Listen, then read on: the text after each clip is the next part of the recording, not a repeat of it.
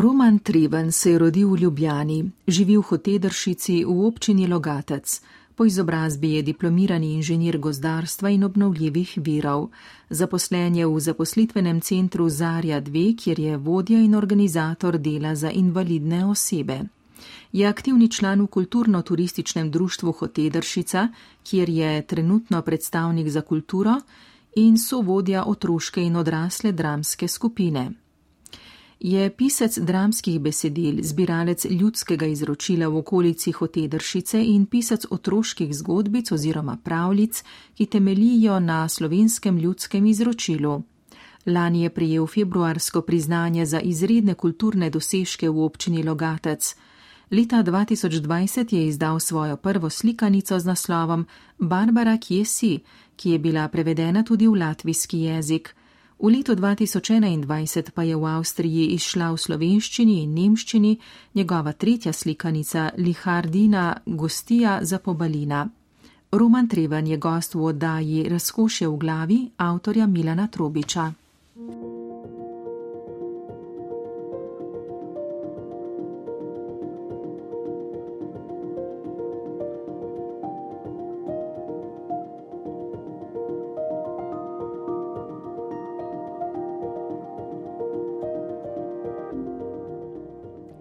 Roman Treven po izobrazbi ni etnolog, jezikoslovec ali zgodovinar, pa vendar ga navdušuje prav nesnovna dediščina.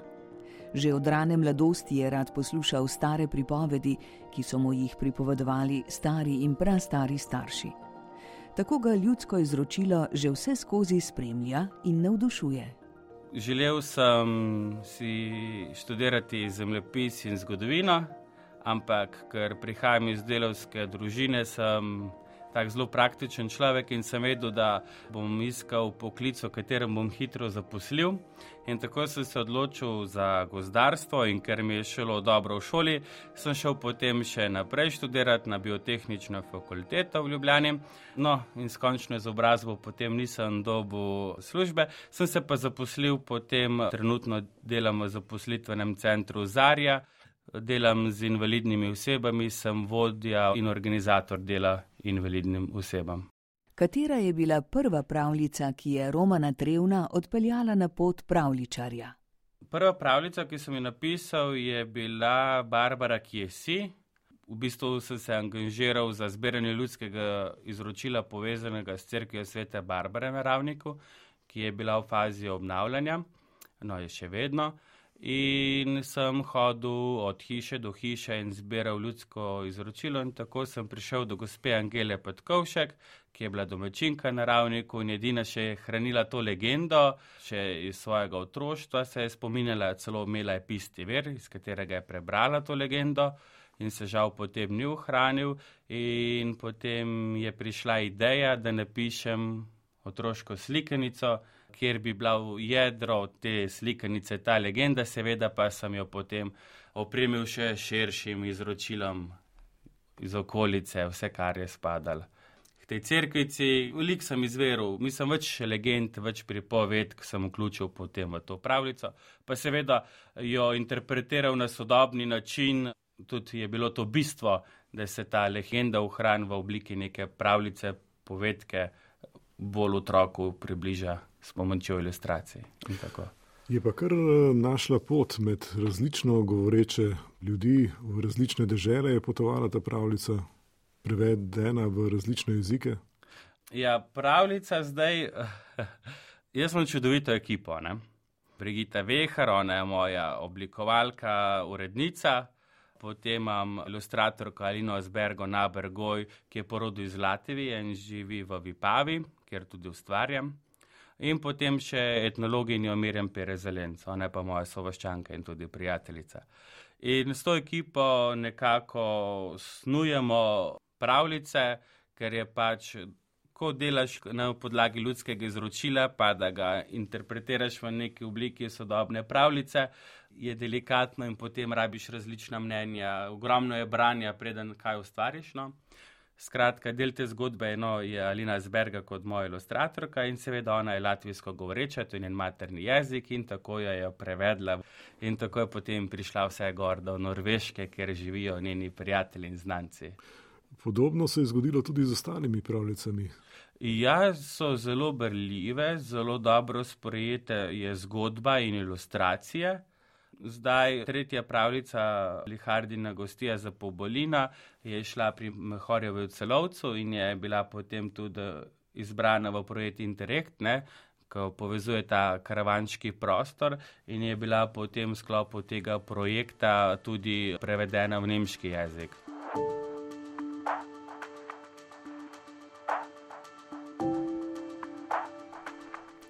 Poleg mitoloških likov, kot so ajdovske deklice, škratje, vile, rizijanske dolgočese in izmišljenih likov, kot so dobrači in budigoji, lahko v njegovih pravljicah opazimo tudi svetniške like iz ljudskih legend. Drži?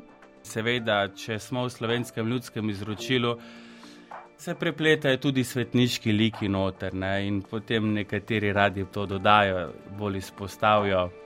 Ja, seveda, to je malo tako delikatno, potem tudi kako tak lik vklopiti v pravljico, kdaj to uporabiti besedo eh, sveti, oziroma kdaj ti jo odzameš, glede na to, kaj je sporočilo pravljice, ker motiv iz ljudskega izročila želim uporabiti, se odločim, kako ga bom vključil v pravljico. Zdaj, če imam dve taki primeri, no, ker ste svetniška lika noter omenjena, ne, to je pravljica na Goregorevo s ptički ženijo. Tukaj smo z ekipo se odločili, da ohranimo sveti Gregor, zato ker je res čisto izročilo tega Gregorjevega in je bil zelo pomemben ta lik. Medtem ko pa pri Lihardini gosti smo se pa odločili, čeprav gre za Blaženo Lihardo smo se odločili, da ostanemo samo pri knjigini in je to dovolj pove v samem liku, oziroma nam je bilo dovolj ta del omembe v pravljici.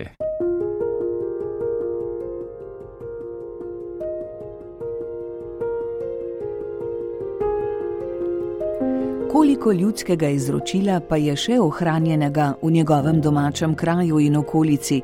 So tam še ljudje, ki to izročilo prenašajo na mlade rodove? Roman Treven. Žal te ljudje počasi umirajo, ki so še ohranjali to izročilo.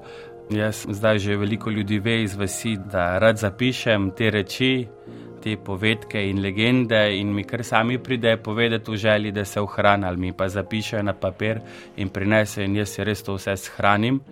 Rad pa vprašam različne ljudi, o njem, da mi ne še kaj povejo, ampak nekako se so začele ponavljati zgodbe, samo da so mogoče malo drugačne interpretacije. Ne.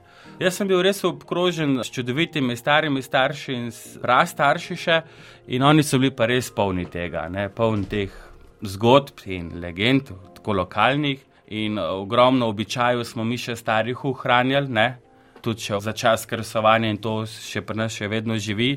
In Jaz sem ne vem, nekako tako v sebi začutil željo, da so to res lepe reči, lepi običaji, ampak eh, ne bodo preživeli tega časa, v katerem zdaj živimo.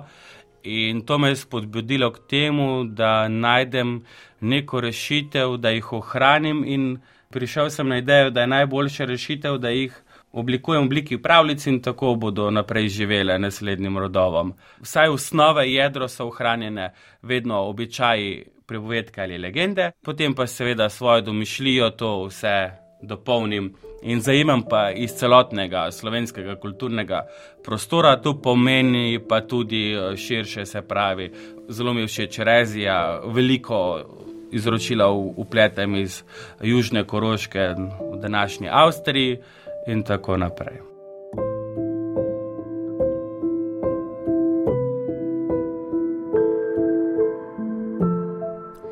Roman Treven je aktiven v domačem kraju. Jaz sem predstavnik za kulturo v kulturno-turističnem društvu Hotedršica. Sem vodja dveh dramskih skupin, no, z menoj sodeluje še Mojca Lukan, se pravi otroško dramsko skupino vodim in dramsko skupino za odrasle. Sam pišem dramska besedila in potem tudi režiram. Ja, za otroke pišem zagotovo že kakih ja, sedem let, za mlajše ekipe pa zadnje 3-4 leta. Tako da imamo kar par lušnih projektov, trenutno delamo na novi igri Ljubezen na meji, ki nam je korona prekinila in sem jo postavil v letu 1930. Gre za ljubezensko dramo z zgodovinskim ozadjem, komična, govori o tihotapljenju, kontrabandu, o ljubezni teh različnih kultur, ki so se prepletele takrat v Hotedršici, ki je ležala ob meji z Italijo. Tako da zdaj smo pridno spet začeli sestavljati ekipo nazaj. Za otroke pa seveda ponovadi za kresno nedeljo pripravimo kakšno igrico, običajno so pa predvsem to Miklauževe igrice. V zadnjem času smo imeli lutkovne igrice. Ali recimo pri tem vsem, kar delate, imate dovolj časa tudi zase? Zdaj vse to je del mojega življenja in po službi je to hobi. Ne grem teč, ne kolesarim, ne plavam, ampak rad kaj napišem, rad kaj zabeležim. Ja, to mi je pač tako hobi. Ne? Je pa res, sem zelo intenziven tem in veliko delam no, na tem. V bistvu čutim neko poslanstvo, da nekaj dobrega naredim za slovensko družbo, za naš jezik, za kulturo. To čutim kot en tak klic, kot poslanstvo, da sem dolžen to narediti. Zdaj, če mi uspeva dobro, bo pa čas presodil.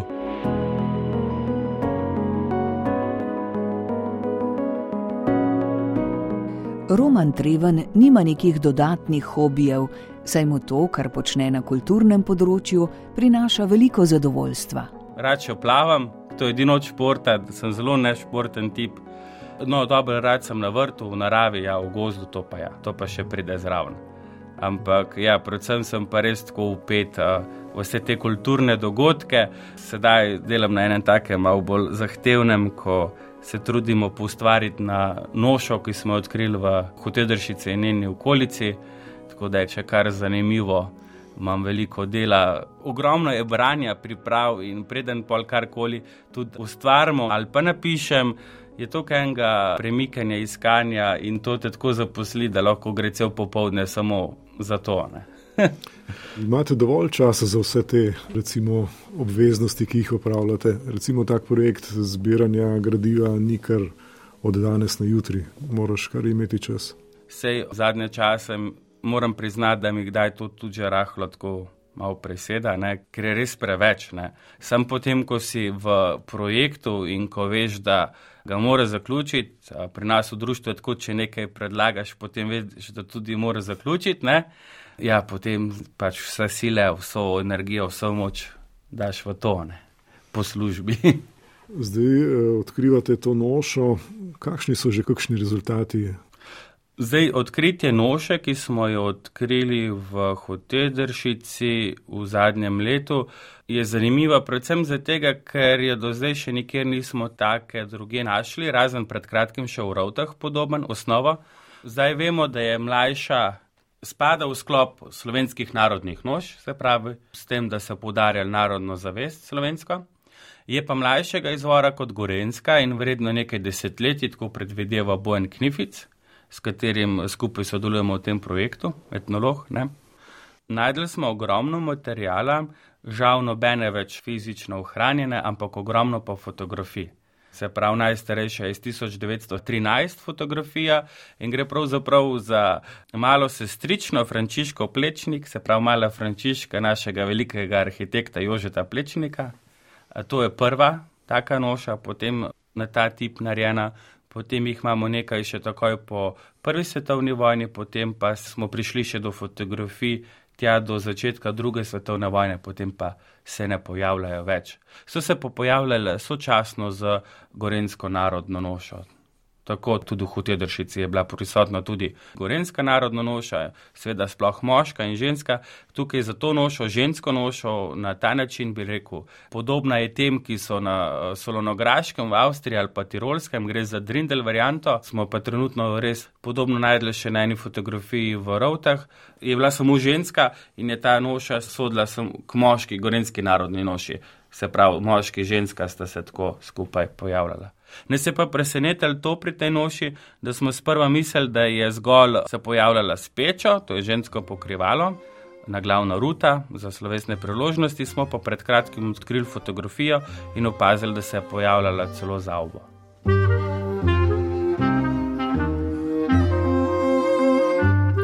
Med pomembnimi akcijami, pri katerih je poleg številnih drugih sodeloval tudi Roman Treven, je projekt obnove cerkve na ravniku pri Hotedršici, posvečene sveti Barbari.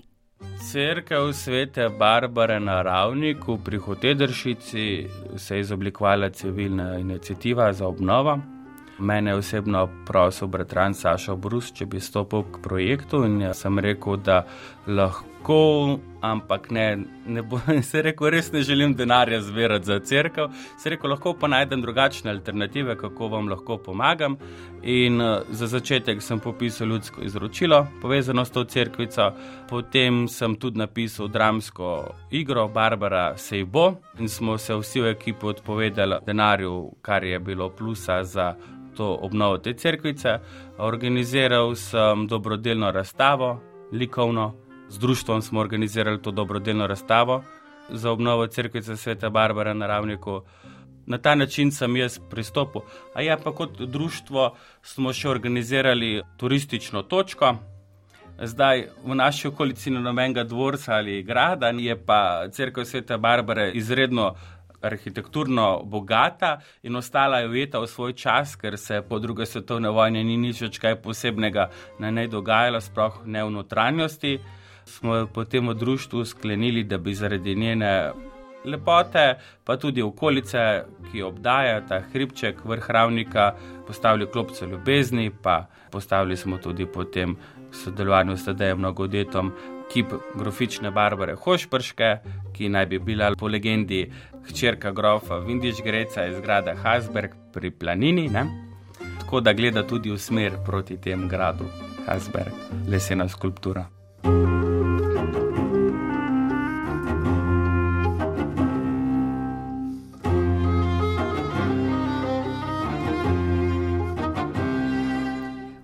od pogovorov je Roman Treven povedal, da je pri bratih Kapucinih odkril lik ljubečega očeta. Kaj to pomeni? Prihajam iz zelo narodno zavedne družine in pa moji predniki so bili zelo tako, ljubili so slovenski jezik in narod sploh. Po očetovi strani so doživeli italianizacijo, ne, pa to fašizem. Tudi sam prihajam iz tradicionalne družine in seveda potem človek v svojem življenju išče, odkriva in tudi sam sem verujoč. In dva izmed mojih dobrih prijateljev sta brata Kapucina. Ob njih sem tudi spoznal, bi rekel, ne to tradicionalne predstave vere Boga kot ideologije, mogoče tudi ali pa religije, ampak kot neko osebno izkušnjo. Tako. Kakšne načrte imate v svojem osebnem življenju? V svojem osebnem življenju trenutno si želim zgraditi hišo in delam v tem projektu trenutno pridobivam gradbeno dovoljenje in hišo bom gradil na ravni, ko sem pač podedoval. Babica Marija Rupnik mi je zapisala košček zemlje, kjer je že prej stala koča, oziroma hiša, no, rekli se prekoči. Tako da, ja, to je zdaj tako, prav osebno. Sicer pa imam še letos res tri take večje projekte, se pravi, tri slikanice bom izdal, otroške, Se pravi, eno bom prvič, ki ne bo po ljudskem izročilu, ampak bo govorila o socialni vključenosti. To sem za zaposlitveni center Zarja 2 ustvaril, ker delam. Ne? Potem imam pa še za tic kamnik in naslov pravljice Mamo trudi in pa z sodelovko Brigito Vehar prek njenega podjetja Memetic Design bova pa pripravila pravljico z naslovom Nagal prijateljstva. Ali Romana Trevna kakšna zadeva še posebno skrbi, ga ovira pri njegovem delu in ustvarjanju? Jaz iskreno lahko tako povem, da sem zelo hvaležen, da živim v tem času, v taki družbi, kot nas obdaja. Ne razumem sicer tega res groznega nezadovoljstva v naši družbi. Mal sem tudi potoval, pa kaj izkusil drugod. Glejte, eh, težave, problemi, mislim to nas bo vedno obdajalo, ne? kjerkoli bomo, kadarkoli. Ampak vse zato pa je pa življenje pa kot študenec, vedno se nekam zlije, vedno najde neko novo pot. In me ne skrbi, res ne zaupam to. Rad živim, rad ustvarjam, sem deloven človek in za dobro vzamem tudi težave in vse, kar pride. Zaenkrat ni bilo tako nekaj hudega, kar bi me moralo uverati pri projektu. Mogoče, če bi bil res, mogoče kakšno službo povezano s tem, bi lahko še več o tem ustvarjal, ampak to je tako, če, če, če ne, iščeš idealne priložnosti, ampak jaz sem že hvaležen za vse, kar ustvarjamo skupaj z mojo ekipo in pa za vse, kar je sprejeto med ljudmi, kar je dobrega. Ja. Imate kakšno vodilo ali kakšnega vzornika, recimo pri tem? Ja, vedno me spremlja moto Dostojevskega. Lepota bo rešila svet. To pa. Lepota bo rešila svet. Kar je lepega, je dobro in ne more biti drugače. Vse ostalo bo menilo. Vsi problemi, ki nas obdajajo, ki nas grenijo, vse predsotke, ki jih imamo tudi drug o drugem, ali pa stvari, ki si jih prizadanemo drug drugemu, bo menilo, ostalo bo res tisto najlepše, kar bomo pustili za seboj.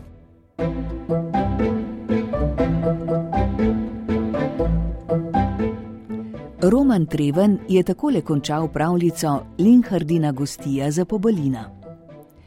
Kneginja Linharda je bila ponosna na Petra in Lupo.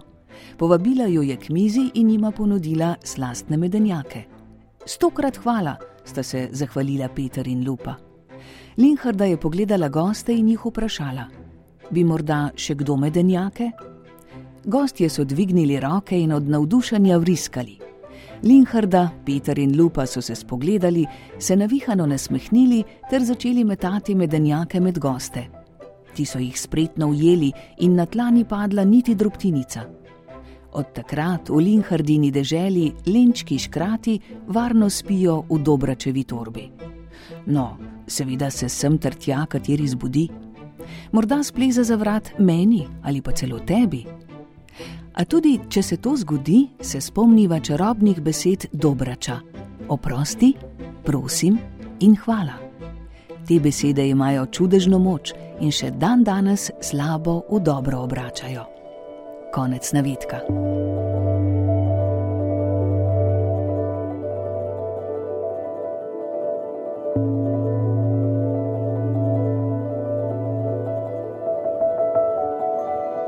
Spoštovani poslušalci, cenjene poslušalke, to je bila oddaja Razkošje v glavi, kjer smo gostili Romana Trevna.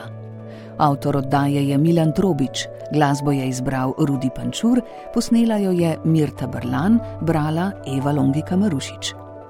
Oddajo lahko spet slišite v arhivu na spletni strani prvi.rtvslo.js, na voljo pa bo tudi v podkastu.